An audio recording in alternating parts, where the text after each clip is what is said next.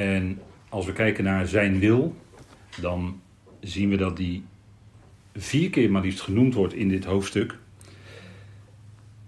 En we hebben dat al eerder met elkaar even aangegeven. De roeping van Paulus is door de wil van God, staat in Efeze 1, vers 1. En hij schrijft daar zelf over in, of hij meldt dat zelf in Handelingen 26. Daar kijkt hij op die roeping terug en dat God hem had geroepen tot uh, dienaar, zeg maar. Uh, eigenlijk staat er dan het woord uh, letterlijk onderroeier, dus een, iemand die Christus diende als slaaf. Daarvoor was hij geroepen en dat deed hij ook. Hè, dat, en, maar dat was dus die roeping als apostel, Paulus, apostel van Christus Jezus, was door de wil van God. Dus het was Gods wil. En dat was een bijzondere roeping naast de roeping van de twaalf. De twaalf apostelen van de besnijdenis, die door de Heer tijdens zijn aardse bediening geroepen waren. Judas viel weg en dan kwam later Matthias door het lot. Hebben we ook met elkaar gezien, hè? door loting kwam Matthias daarvoor in de plaats. En zo was die groep van twaalf dan weer compleet en gingen zij ook hun bediening in voor het koninkrijk. Maar de roeping van Paulus was een aparte, speciale roeping, waarvan hij zegt dat is door de wil van God. Dus het was Gods wil om hem te roepen als een ontijdig geborene, zoals hij zichzelf ook noemt. Als een soort nageboorte, zeg maar. En wel als unieke apostel die de verheerlijkte Heer ontmoette en hem niet had gekend zoals hij op aarde rondwandelde. Ongetwijfeld wel over hem had gehoord toen hij op aarde was, maar niet hem persoonlijk had gekend. Dus hij kende Christus, om het maar met de woorden van 2 Korinthe 5 te zeggen, niet naar het vlees. En dat is ook een markering in zijn bediening dat wij kennen niemand meer naar het vlees. Hè. 2 Korinthe 5, daar gaat het ook over de verzoening. De verzoening. Wij kennen niemand meer naar het vlees. En voor zover we nog Christus naar het vlees gekend zouden hebben, dus Jezus zoals hij op aarde rondwandelde, kennen wij hem nu zo niet langer, zegt Paulus. Dat is een bepaalde markering in zijn bediening, waarin hij verder werd afgezonderd van delen van Israël, om het zo maar te zeggen. En steeds meer kwam in zijn zuivere bediening die voor deze tijd geldt. En verzoening, verzoening, 2 Korinthe 5, dat is de verzoening, dat is de bediening die nu geldt. Hè? We hebben het woord der verzoening in ons gekregen. En daar heeft ook die olijfboom mee te maken natuurlijk. Hè? Die, die vrede, verzoening, dat heeft ook te maken met die olijfboom. Paulus werd geroepen en in zijn dienst zijn verschillende fasen te onderscheiden. En een verdere fase dus in zijn dienst was dat hij de verzoening ging spreken. En dan zijn we nog niet in handelingen 28, maar in handelingen 28 schrijft hij zijn gevangenschapsbrieven. En daar maakt hij het geheimenis bekend voor deze tijd. Efezebrief schrijft hij dan. En dan wordt ook bekend de hemelse roeping van het lichaam van Christus. En dat is zeg maar het beheer van de genade is daar ten volle in werking. Op het moment dat hij de Efezebrief schrijft, spreekt hij erover het beheer van de genade van God wat hem is toevertrouwd. De roeping van Paulus, heel bijzonder, apart gezet, afgezonderd voor dat evangelie wat hij sprak als apostel. Dan, de wil van God wordt ook genoemd in uh, vers 5, vers 5, dat wij tevoren bestemd zijn tot zonen of tot plaats van zoon, wordt vertaald met zoonschap, maar letterlijk is het zoonplaatsing. Door Christus Jezus voor zichzelf en dan staat er in overeenstemming met het welbehagen van zijn wil. Het was Gods welbehagen. Je zou kunnen zeggen, daar vond God welbehagen in om ons te roepen, om ons te, als speciale groep afgezonden te hebben en ons te roepen en om ons die geweldige rijkdom aan genade te geven. Daar heeft God welbehagen in. Paulus spreekt ook over het evangelie van de heerlijkheid van de gelukkige God. Een hele merkwaardige uitspraak op het eerste gezicht, hè? 1 Timotheus 1. De gelukkige God. Dat wil zeggen, God vindt geluk in het feit dat Hij zulke grote geschenken van genade aan ons, aan u en mij mag geven, kan geven. Niet mag, kan geven. Het welbehagen van zijn wil. Dat is, dat is, die kant van zijn wil is dat. Het welbehagen. God heeft er welbehagen in om u, jou en mij te roepen tot die plaats van zoon. Die hebben we ontvangen. Die plaats van zoon, die hebben wij. Hè? Dat is onze status, om het zo maar te zeggen. Dat is niet iets waar, waarvoor je je heel erg moet inspannen. En als je maar genoeg hebt ingespannen, als je maar genoeg gewerkt hebt als gelovige, dan krijg je die positie van zoon. Nee, de plaats van zoon heb je en dat is een genadegeschenk. Het is een van die geestelijke zegeningen die, die in 1 vers 3 bedoeld worden. Iedere geestelijke zegening. Eén van die, één zo'n geestelijke zegening is dat wij een plaats van zoon hebben ontvangen. En dat zouden ons bewust zijn, dat we die plaats van zoon hebben. En naarmate je dat meer bewust wordt, groei je in je geloof ook tot volwassenheid. Dat je ook daadwerkelijk die, die plaats van zoon, dat zoonschap, dat je dat ook daadwerkelijk ten volle beseft. En dat je daar, daarmee leeft, dat je daaruit leeft. Dat is een groeiproces. En daar was Paulus ook voor bezig, voortdurend, om dat woord aan te brengen, te, daarvoor te bidden, bezig te zijn met elkaar. Dat is om, om ieder mens in Christus Jezus gerijpt te doen staan, zegt hij dan in Colossense 1. Hè?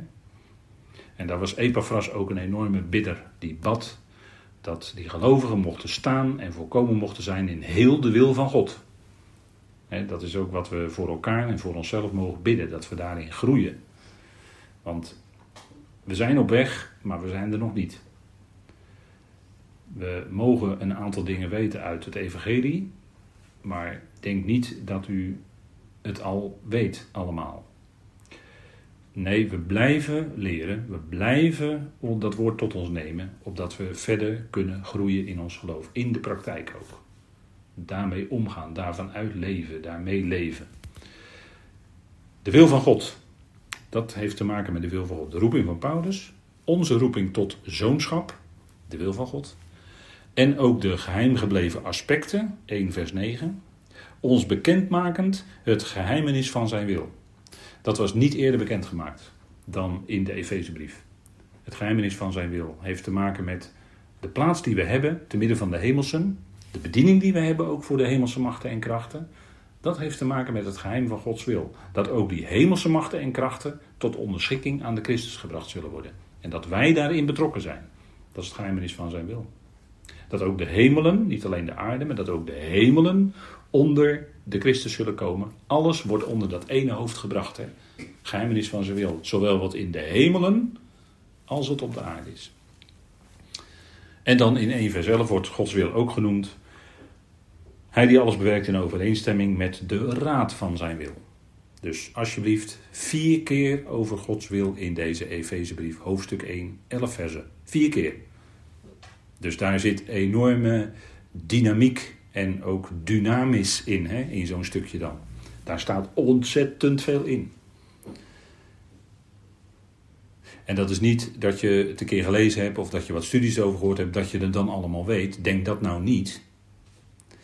Je zult steeds opnieuw dat lezen, herlezen, daarover horen, daarover nalezen wat daarover geschreven is in talloze studies in de Engelse en Duitse UR. Nou, het zijn bij elkaar meer dan 200 jaargangen. Enorme rijkdom, wat een goudmijn. Dagelijks kun je daaruit putten. Dagelijks kun je daardoor laten opscherpen. En merk je altijd weer andere aspecten. Of je verstaat dingen dieper dan tien jaar geleden. En dat is, dat is een groei. Dat is een groei die je doormaakt. De raad van zijn wil. En je gaat ook steeds meer, en dat is natuurlijk wat ten diepste is, Paulus' gebed, dat we groeien in de erkenning van God. Dat we steeds meer gaan beseffen dat God het is die het uitwerkt. In het begin van je geloofsleven dacht je dat jij nog zelf een heleboel dingen voor elkaar kon boksen. Dacht je misschien nog dat je in anders levens, andere levens om hen te helpen nog heel veel dingen kon regelen. Ja, ja. Nee, kijk, God is degene die ieders persoonlijk, dan praten we over microniveau weer, ieders persoonlijk leven is in de handen van God. Alle details, alle seconden, alle minuten is door God bepaald. Zo groot is God. En wij kunnen daarvan een heel klein beetje leren zien in ons leven. En steeds meer erkennen. Kijk, het punt is, en dat heeft met God te maken, dat is natuurlijk het belangrijkste waar het om gaat, hè, dat wat met God te maken heeft. Want het punt is dat ook, helaas moet je dat soms bij gelovigen constateren. En je hebt zelf daarin ook een groei doorgemaakt, dus je kan een ander daar niet eens nooit op aankijken, nooit. Maar je constateert helaas bij gelovigen wel eens dat zij God niet erkennen als God. En daar gaat het Paulus om in Romeinen 1. Dat hoewel zij God kennen, ook de mensen waarvan wij, niet, waarvan wij zeggen dat zijn ongelovigen. En toch hebben zij een relatie met God. Hoe? Nou, God is hun schepper. God is de bron waar ze uit voortkomen. Ieder mens. Dus hoe dan ook, ieder mens heeft hoe dan ook ergens een relatie met God. Alleen heel veel mensen willen God niet als God erkennen in hun leven. Dat we zeggen, niet als de plaatser, als degene die hun de plaats toewijst. Dat is het punt, dat is het probleem met de mensheid. En, en dat, dat is ook bij gelovigen. Hè? De gelovigen. Als gelovige maak je ook een groei door dat je steeds meer gaat erkennen wie God is. Die plaatser, die liefde is. Die liefde is, ja, zeker. En daarom geeft hij u, jou en mij deze plaats op dit moment in, in jouw leven, in uw leven, die u nu heeft. Met alle ins en outs, met alle problemen die dat geeft. En dat heeft, te maken met, dat, dat heeft ook te maken met de raad van zijn wil. Die problemen waar ik die, die nu benoem. Of ik kan het ook met een ander woord zeggen wat veel bekender is. Het lijden in uw leven of de verdrukkingen in uw leven. Dat heeft te maken met de raad van God, de raad van zijn wil. Kijk, dat geldt ook voor Christus. Kijk, als we het hebben over de raad van zijn wil. Het punt is, zijn wil is dat Christus, dat hebben we in vorige studies gezien met elkaar. Met dat lotgenieter, weet u wel, Hebreeën 1. Christus is de lotgenieter van het al. God heeft hem, natuurlijk allemaal beeldspraak. God heeft hem door loting alles gegeven aan Christus. Hij is de lotgenieter van het al, zegt Hebreeën 1 vers 2. Hè? Dus Christus, dat is zijn wil. Christus is de bezitter van alles. Maar nu komt het punt, wat was nu de raad van zijn wil? Was dat Christus ook via het mens zijn zou moeten lijden en sterven zelfs, dat moeten ondergaan, om daarna verhoogd te worden. Dat had te maken met de raad van zijn wil. En dat is een essentieel gebeuren natuurlijk in Gods plan. Hij leed, hij stierf op Golgotha. Hij, werd daar, hij ging daar de dood in. Het was de dood van de zoon.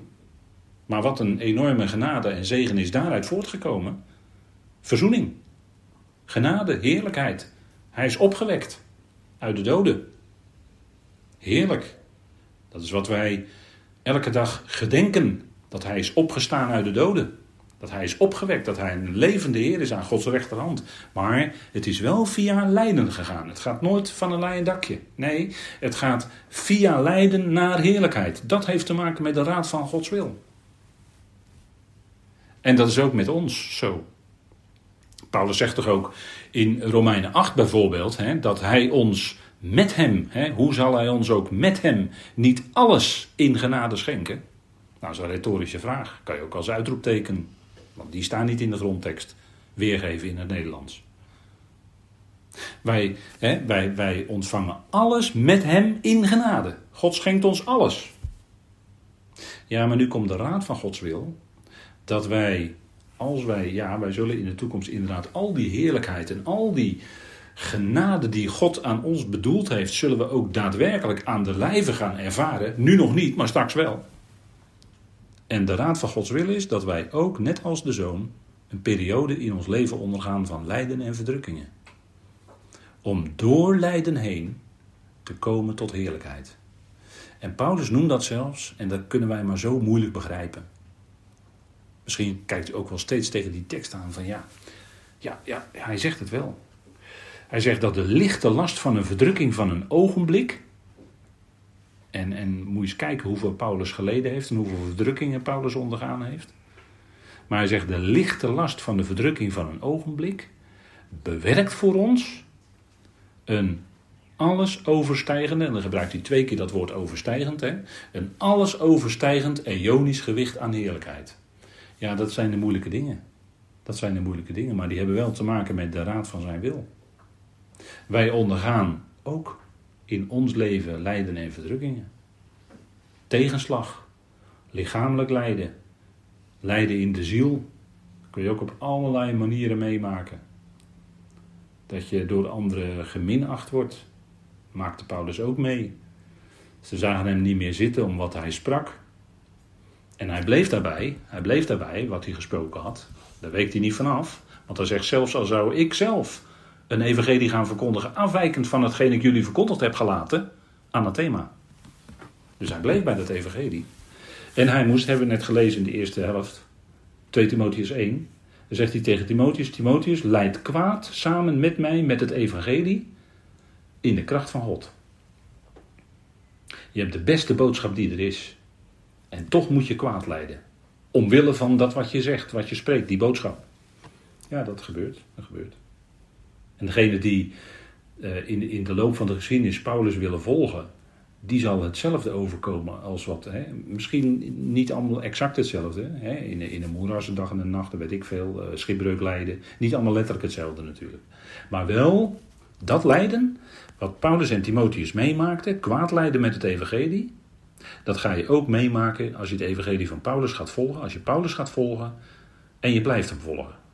Onherroepelijk zul je dan op welke manier dan ook, zul je een vorm van kwaad lijden. Vervolgingen.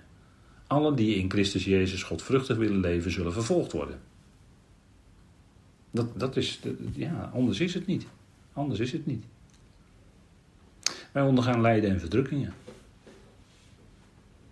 Vurige pijlen, wapenrusting. Belangrijk hoor. Want vurige pijlen die, die, die, die worden afgeschoten, absoluut. Absoluut.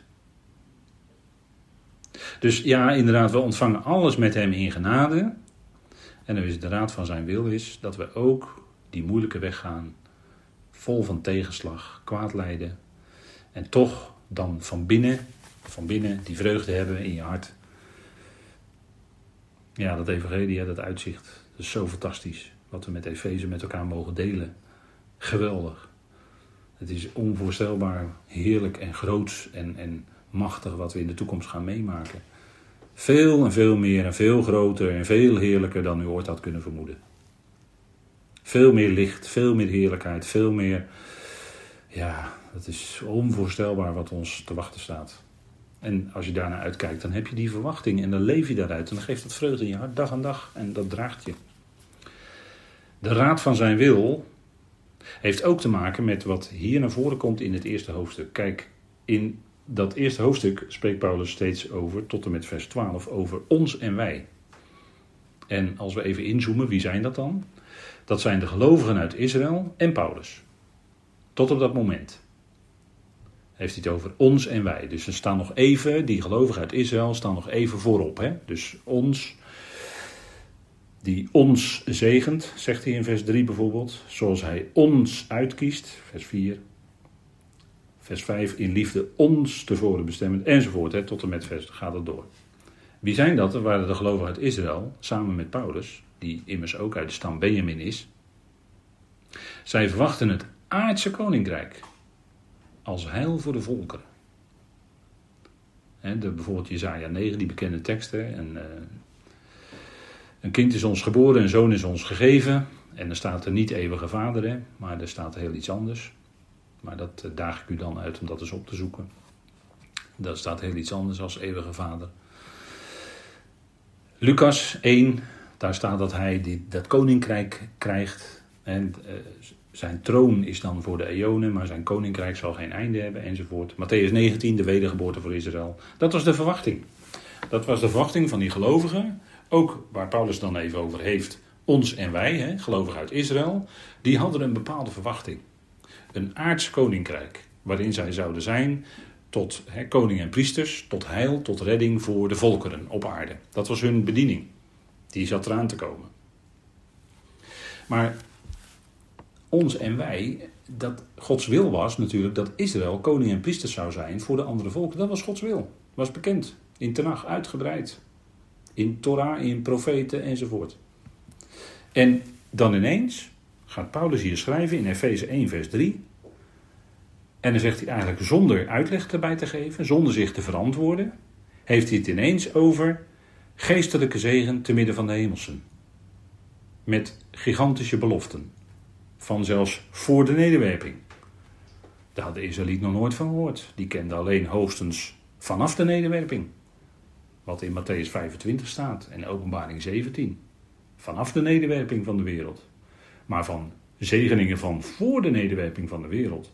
En dan ook nog te midden van de hemelsen. Nou, die gelovigen uit Israël, zou je kunnen zeggen, hun oren tuiten, want dan hadden ze nog nooit gehoord.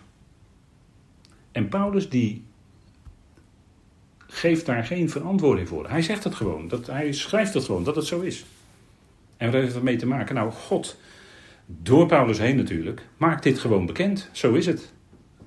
En God hoeft aan niemand verantwoording af te leggen waarom er ineens een hemelse toekomst is voor gelovigen, waarom er ineens een hele andere richting is ontstaan.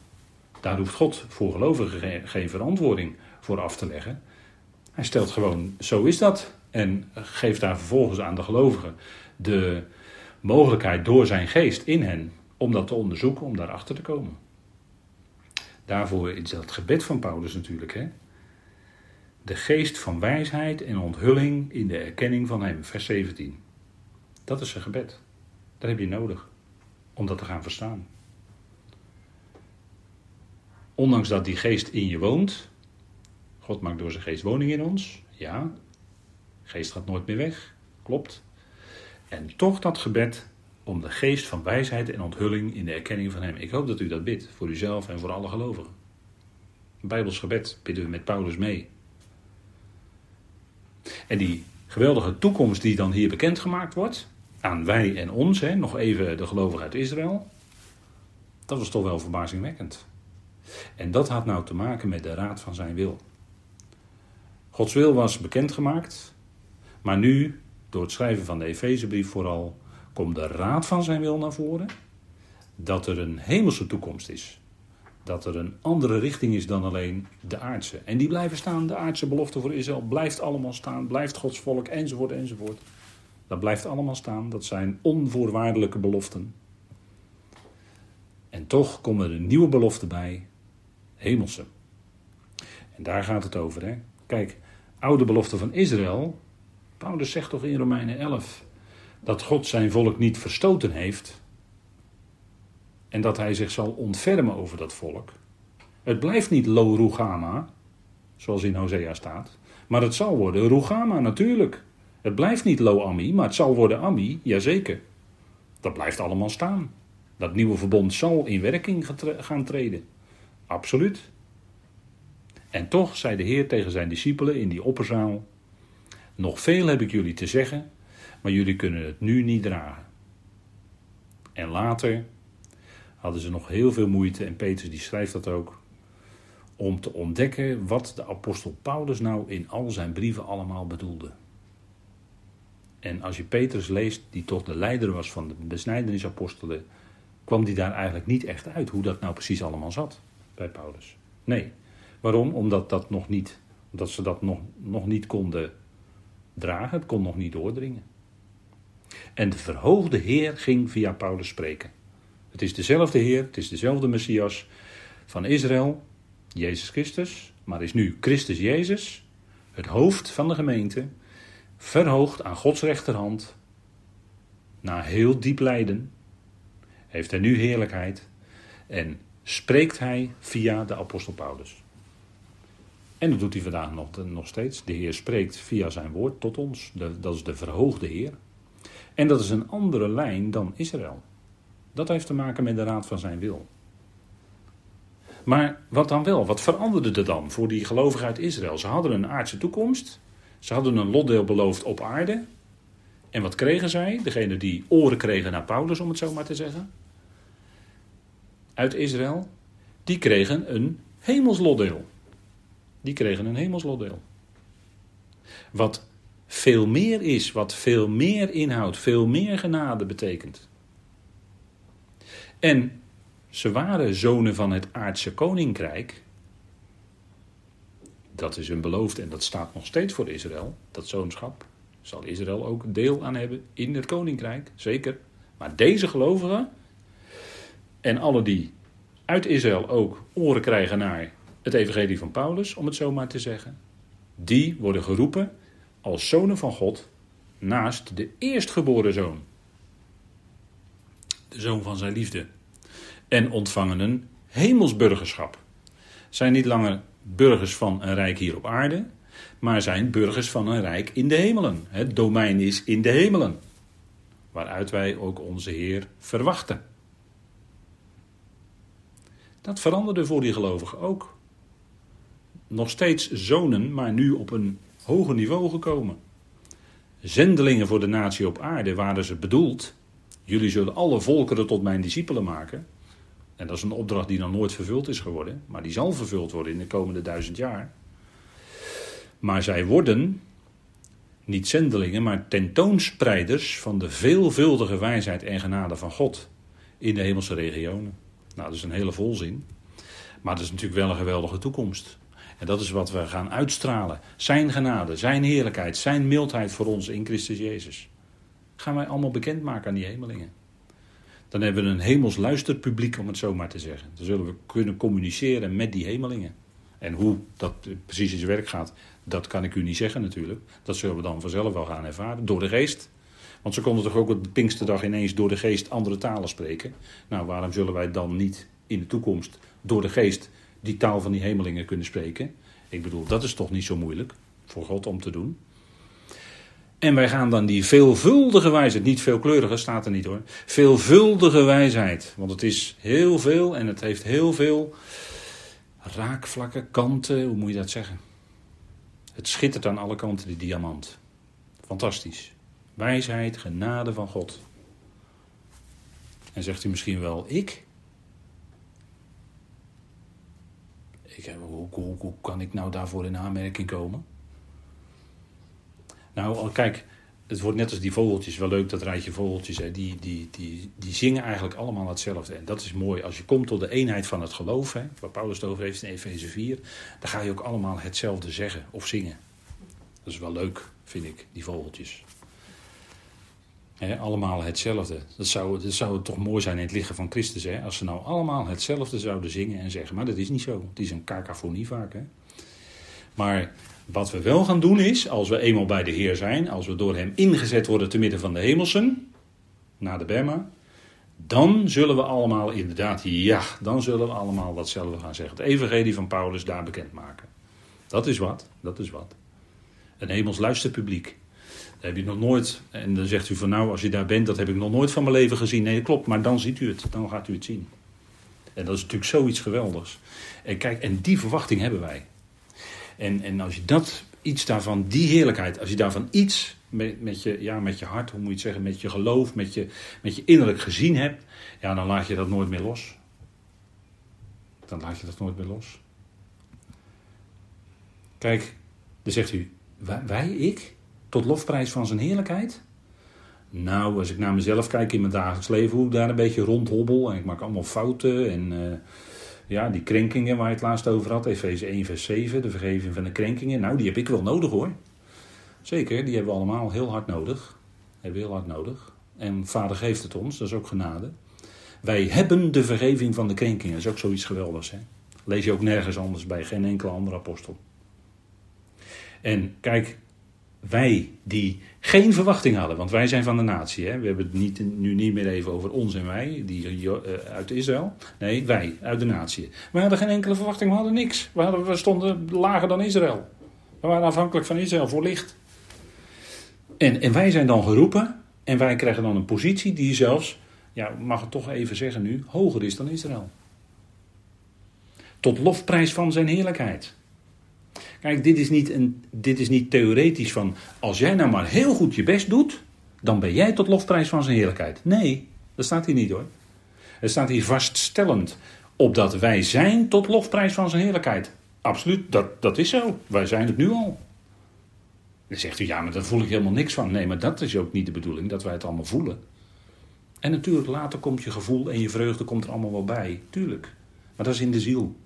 Maar het gaat erom wat je geestelijk gezien aanvaardt in geloof, dat maakt je hart blij. En daarna komt het gevoel er vanzelf wel bij. Maar het gaat niet, het is niet een evangelie van de ziel. Het is niet een evangelie van het gevoel. Van allemaal handen in de lucht staan, allemaal geweldig, halleluja, prijs de Heer. En morgen uh, vechten we elkaar weer de tent uit. Zo niet, nee. Dat is emotie, dat is in de ziel allemaal, dat is ziels. Punt is, kijk, wij zijn tot lofprijs van zijn heerlijkheid. God heeft ons die status van zonen gegeven. En zeggen ze, ben ik nu al tot lofprijs? Ja, dat bent u nu. Want die hemelingen kijken naar ons, die kijken van bovenaf, die kijken zo naar ons. Zeggen, nou, die, die was eerst eh, in zijn leven, maar ja, nou is het toch een grote verandering, nu is het toch heel anders. Ja, dat is nou genade, wordt dan duidelijk gemaakt, hè, die hemelse, door boodschappers aan die hemelse hiërarchie. En kijk, het punt is dat wij de doorwerking van het kruis, eh, mooie brochure, Jezus Christus de gekruisigde, nogmaals van harte aanbevolen. Dat, die doorwerking van het kruis, hè, kijk, daar leefde Paulus uit. Het is niet langer ik, gelaten 2 vers 20. Hè. Het is niet meer ik, niet meer het oude ikkie, dat is weg. Maar hij probeert nog, toch, toch nog vaak hier zo, daar een beetje zo de kop op te steken, hè, dat oude ikkie. Maar vaststellen vanuit de evangelie, hè, ermee rekenen, dat deed Paulus. Paulus kende ook zijn oude, zijn oude ikkie en zijn oude vlees dat aan hem probeerde te trekken enzovoort. Kende Paulus ook allemaal, schrijft hij ook over. Uitgebreid. Maar wat waar rekende Paulus dan mee? Hij zegt, het is niet meer ik, hè, samen met Christus ben ik gekruisigd. Gelaat 2 vers 20, kerntekst hoor. Samen met Christus ben ik gekruisigd. En toch leef ik. Maar dat is dan niet meer ik, dat is niet meer het oude ik. Maar Christus leeft in mij. Kijk, dan wordt alles anders. Dan gaat, daar gaat van binnenuit, gaat het leven van Christus ook naar buiten toe komen. En als het naar buiten toe komt, dan kan het best zijn dat je toch iets naar buiten toe uitdraagt. Ik vind uitstralen vind ik een beetje een beetje ander woord eigenlijk. Daar hou ik niet zo van. Maar dat je iets uitdraagt van wie Christus is. Dat iets in je leven zichtbaar daarvoor wordt. Die vrucht van de geest. Dat is niet vrucht van de ziel, maar het is vrucht van de geest. En dat gaat dan door je zielenleven heen ook werken. Ja, zeker. En dan komt het gevoel er ook wel bij. Want dat gevoel schakelen we echt niet uit als gelovigen. Maar het zou wel zijn onder beslag van die geest van God. En, dan gaan, en, en juist als daar spanningen zijn onder gelovigen, dan kan het ook zo zijn dat een ene gelovige gebruikt wordt door de tegenwerker om een vurige pijl op een andere gelovige af te schieten. En wanneer gebeurt dat? gebeurt als de emoties, daar heb je het weer, emoties als de gevoelens tegenover elkaar. Je bent het niet met elkaar eens, er is een meningsverschil. En als dan de emoties hoog op gaan lopen, dan worden er dingen gezegd. Dus als ik een hele vervelende mail krijg, zoals ik die laatst ook kreeg, nou die laat ik dan soms gewoon een week liggen. want, uh, en dan schrijf ik wel een reactie, soms de eerste dag al. En dan lees ik een paar dagen later mijn reactie terug. En dan denk ik van nee, dat weg, dat weg, dat weg, dat weg. En dan wordt het heel anders. En je bidt ervoor. Het punt is dat omdat je dan leert in de loop van de tijd niet direct lik op stuk te geven, want dan doe je dat in je emotie en dan zeg je dingen waar je achteraf spijt van hebt. Maar dan bid je ervoor en dan zoek je wijsheid bij de Heer van hoe kan ik daar nou het beste antwoord op geven. Ja, dat is, dat is zoals denk ik ook met die wapenrusting het werkt. Hè? En, en dat is natuurlijk waar veel, veel, veel clashes tussen geloven en dat geloven dan uit elkaar, uh, dingen uit elkaar lopen. Kruis is daar ongelooflijk belangrijk in. Het is niet meer ik, maar Christus leeft in mij. Dus het is niet meer dat heet gebakende vrouwtje of mannetje wat ik was, maar Christus leeft in mij. Dus, dan wordt het anders, dan wordt het toch anders. Dan komt er een stuk mildheid en een stuk zachtmoedigheid. Geduld, heel belangrijk hè, geduld komt er ook bij. En inhouding, daar eindigt het mee, hè, dat rijtje. Zelfbeheersing, inhouding. je, dat je je in kan houden. Hoe, kan je, hoe, hoe, is mogelijk? Je was eerst zo'n uh, opstandig, uh, hard op de tong, weet ik wat, figuur. En je zei het gewoon. En nu kun je je inhouden. Nu hou je je woorden in. Hoe kan dat? De kracht van de geest van God. heb je niet van jezelf hoor is van de geest. Christus leeft in mij, dat is het punt. Hè? Dus de doorwerking van het kruis. Hè, dat, dat zeggen we dan onder elkaar. Dat is nou de doorwerking van het kruis in ons persoonlijk leven. Hè, daar spreekt Romeinen 6 nu ook, uh, natuurlijk ook over. Daar rekenen wij mee. Hè. Wij voelen dat niet. Dat is heel wat anders. Of je het wel of niet voelt, daar gaat het even niet om. Hè. Nee, wij rekenen in geloof dat wij onze oude mens samen met Christus mede gekruisigd is en begraven, dus zand erover. En dat we nu wandelen in nieuwheid van leven. Opgewekt om samen met hem te wandelen in nieuwheid van leven. Dat is, dat, dat is anders. Dat is anders. Dan heb je een ander gedrag.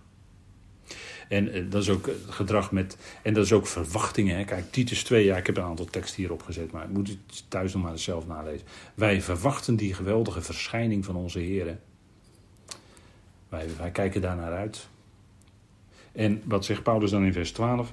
In hem ook zijn jullie die het woord van de waarheid horen. Sorry, ik lees het verkeerde vers. Opdat wij zijn tot lofprijs van zijn heerlijkheid. Daar hebben we het nu over. Hè? Wij zijn tot lofprijs van zijn heerlijkheid. Dat is ook genade. Die een voorverwachting hebben in de Christus. Een voorverwachting hebben. Wij zijn in een toestand. Het is, uh, dat woord staat in de voltooid verleden tijd in het Grieks. Dat betekent dat wij nu in een toestand zijn van een eerdere verwachting. Wij hebben een eerdere verwachting dan anderen. Die gelovigen van Israël, die hadden een verwachting, wij en ons, die hadden een verwachting, maar die hebben nu een eerdere verwachting bekendgemaakt gekregen dan Israël zelf. Daar zit tijd tussen. Dat is, een, dat is een, echt een tijdaspect. Wij hebben een eerdere verwachting in de Christus. Nou, verwachting. Het woord verwachting. Dat is in het Grieks het woord elpizo. Dat is uh, eigenlijk uh, verwachten doen. En het woord elpis, dat is verwachting. En waarom zeggen wij verwachten en verwachting? Omdat we dat graag willen onderscheiden van het woord hopen en hoop. Want die woorden, die hebben in de loop van de tijd toch een wat andere klank en inhoud gekregen. Hopen en hoop, dat drukt een verlangen uit naar iets dat we niet zeker te verwachten hebben. Zo van, ja, ik hoop het. Of uh, u kent misschien wel dat oude boek van wie, van wie was dat ook alweer? Uh, weet ik niet. Op hoop van zegen. Een oud boek. Op hoop van zegen. Je hoopt het. Eigenlijk onzeker. Is morgen droog? Ja, ik hoop het. Maar je weet niet zeker. Dat, dat is ons woord hopen en hopen. Maar het punt is, als we nu kijken in de schrift, als het gaat om deze woorden, dan gaat het niet om hopen en hoop, maar gaat het om verwachten en verwachting. Dat, is, dat drukt zekerheid uit. God heeft zijn belofte gegeven en wij, wachten, wij verwachten dat, dat dat werkelijkheid gaat worden. Alleen is het een kwestie van tijd. Wij weten de dag of uur niet, maar het gaat wel gebeuren. Die beloften gaan wel vervuld worden. Wij hebben de belofte van het bezijn van God. We weten niet de dag of het uur, maar het gaat wel gebeuren. Ja, natuurlijk gaat het gebeuren. Dat is die zekerheid van onze verwachting. En dat is niet een hoop. Paulus spreekt daar ook over. Hij gebruikt dat woord verwachting ook als uh, zeg maar inhoud. Hè, een verwachtingsgoed of een verwachtingstegoed. Uh, bijvoorbeeld in Romeinen 5. Romeinen 5. Daar komt het drie keer voor. En dat zijn natuurlijk wel hele fijne woorden die Paulus daar uh, spreekt of schrijft. Romeinen 5. En dan zegt hij door hem, vers 2, daarom, door hem hebben wij ook de toegang verkregen door het geloof tot in deze genade, waarin wij staan en wij roemen in de verwachting van de heerlijkheid van God. Wij roemen in de verwachting van de heerlijkheid van God. En niet, in, niet dus in de hoop, maar in de verwachting. We roemen ook in de verdrukking, omdat we weten dat de verdrukking volharding bewerkt.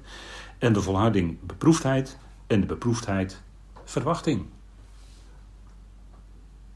En de verwachting beschaamt niet, omdat de liefde van God in onze harten uitgestort is door de Heilige Geest die ons gegeven is. Kijk, een hoop, als je een hoop hebt, dan kan jou dat nog beschamen. Want ja, je weet het niet zeker. Het drukt onzekerheid uit. Hè? Maar de verwachting, Nee, als je die verwachting hebt, dat zal jou niet te schande worden. Want God heeft het beloofd. Dat schept een zekere verwachting. En dat gaat ook gebeuren. Dat is geen twijfel over mogelijk. God heeft het beloofd en hij zal het doen. Dat is onze verwachting. Dat is de inhoud van alles wat gaat komen. Onze verwachting, hè? onze verwachtingsgoed. Wat voor ons weggelegd is in de hemelen. Daar, daar leven wij naartoe. En u moet die woorden in het trefwoordenregister, of uh, u kunt dat makkelijk achterhalen, waar die woorden allemaal gebruikt worden. El Pizo komt een keer of uh, ruim 30 voor, als ik het goed heb. En Elp is een keer of 50 in de Griekse schrift. Dus dan heeft u echt ruim mogelijkheden om dat na te zoeken voor uzelf. En dan ziet, zult u steeds zien dat het steeds gaat echt om deze begrippen. He, dat het punt is, hè, wij die een voorverwachting hebben, daar sluiten we dan mee af vandaag. Wij die een voorverwachting hebben in de Christus. En wat was nu die voorverwachting? Die bekend werd door Paulus voor de gemeente. De roeping van de gemeente begon met de roeping van Paulus in Handelingen 9. En die roeping van de gemeente die duurt tot de dag dat de bazuin klinkt en wij die ontmoeting hebben van de Heer in de lucht. Dan is het niet zo dat wij hem tegemoet gaan, alsof wij zelf naar boven lopen. Dat hoor ik er altijd in. Wij gaan de Heer tegemoet. Wij gaan de Heer tegemoet, alsof wij zelf naar boven kunnen lopen. Dat staat er dan ook niet. Wij staan, wij worden weggerukt. Wij zijn daarin helemaal passief. Het is een genademoment. Hij rukt ons weg, precies op tijd. En dan is de weerhouder weggenomen en dan gaat het los hoor, hier op aarde. Denk erom dat het dan losgaat. En dan kunnen we misschien nu wel even, even denken van... Ja, we hebben een tijdje toch, wat het toch wat moeilijk was met al die maatregelen wereldwijd. En eh, ja, nu is alles toch weer wat, wat vrijer en ontspannender. Vergist u niet. Vergist u zich niet hoor. Vergist u zich niet daarin. Want dat kan wel eens een hele gevaarlijke tijd zijn. Waarin, u, waarin er ineens dingen gaan gebeuren en waarin ineens de zaak over je heen wordt gelegd en je geen kant meer op kan. Vergist u zich niet hoor. Alert, we zouden waken en nuchter zijn. Wij leven niet in de nacht of de duisternis, wij zijn van de dag. Kijk, die roeping van de gemeente, de ontmoeting van de Heer, dat gaat komen. is 1 Thessalonians 4 is beloofd. En er worden allerlei redeneringen worden opgeworpen. En er wordt allemaal verwezen in de geschiedenis dat het bij een zekere mevrouw McDonald vandaan zou komen. Dat Darby het daar vandaan had. Allemaal kwatsch. Het staat er gewoon. 1 Thessalonians 4, het staat daar.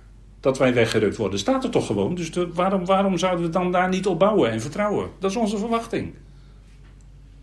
Hey, dat, geen, geen, geen verhaaltjes proberen op de mouw te spelden. Wat zegt de schrift is voor ons doorslaggevend. En dat schept een geweldige verwachting voor ons. En wij leven daar naartoe, de ontmoeting van de Heer in de lucht. Het genademoment. Dan eindigt de genadetijd, dan begint de dag des Heren. Op het moment dat die bezuin klinkt, begint de dag des Heren en duurt de dag van de mens nog even voort.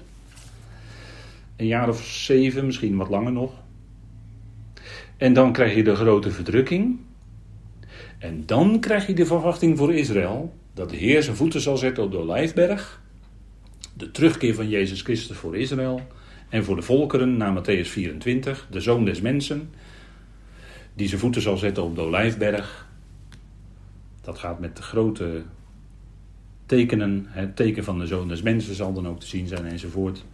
En dan zal hij komen voor Israël en de volkeren.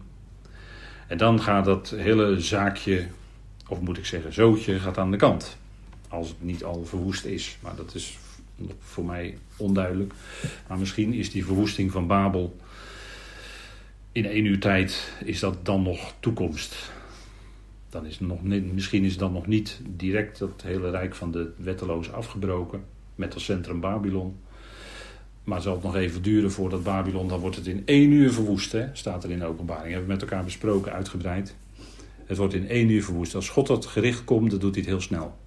En is ook gelijk radicaal afgelopen ermee. Nou, dat is de toekomst voor Israël. Maar de gemeente, het lichaam van Christus, heeft een eerdere verwachting dan Israël. Dus een voorverwachting in de Christus, in de Messias. Een voorverwachting, eerder dus. En dat is met de bazuin. En daar zit tussen die jaarweek van Daniel, met daarin ook de grote verdrukking. En die twee getuigen, en noem alles maar op. En dan krijg je aan het einde van de grote verdrukking krijg je de terugkeer van Jezus Christus. Exact na 1260 dagen grote verdrukking zal hij komen en zijn voeten zetten naar Zacharia 12 tot en met 14 op de Olijfberg. En dan zal het begin zijn van het koninkrijk. Dus dat is de verwachting van Israël. Maar die hebben dus een latere verwachting dan het lichaam van Christus. Wij hebben een voorverwachting. En dat is wat Paulus zegt in uh, Efeze 1, vers 12. Hè. Daar, uh, dat dat uh, grijpt terug in feite op wat hij dus al eerder geschreven had aan de Thessalonicense. Dat, wij die, dat al die gelovigen zullen die ontmoeting van de Heer meemaken. Wie? Al die gelovigen. Wie zijn dat? Al degenen die geloven. En daadwerkelijk dan geloven. Dat heeft met je rikketik, met je hart te maken. Geloven dat Jezus stierf en opstond. Daadwerkelijk geloven. En dan ben je ook verzegeld met de geest. En God geeft je dat geloof. Dan ben je verzegeld met de geest en dan hoor je erbij. Tot in de dag van de vrijkoping. Die geweldige ontmoeting van de Heer in de lucht. En dan hoor je ook dat lied zingen, als je daarover hebt, dan hoor je dat lied zingen. Oh, wat een dag zal dat zijn. Nou, dat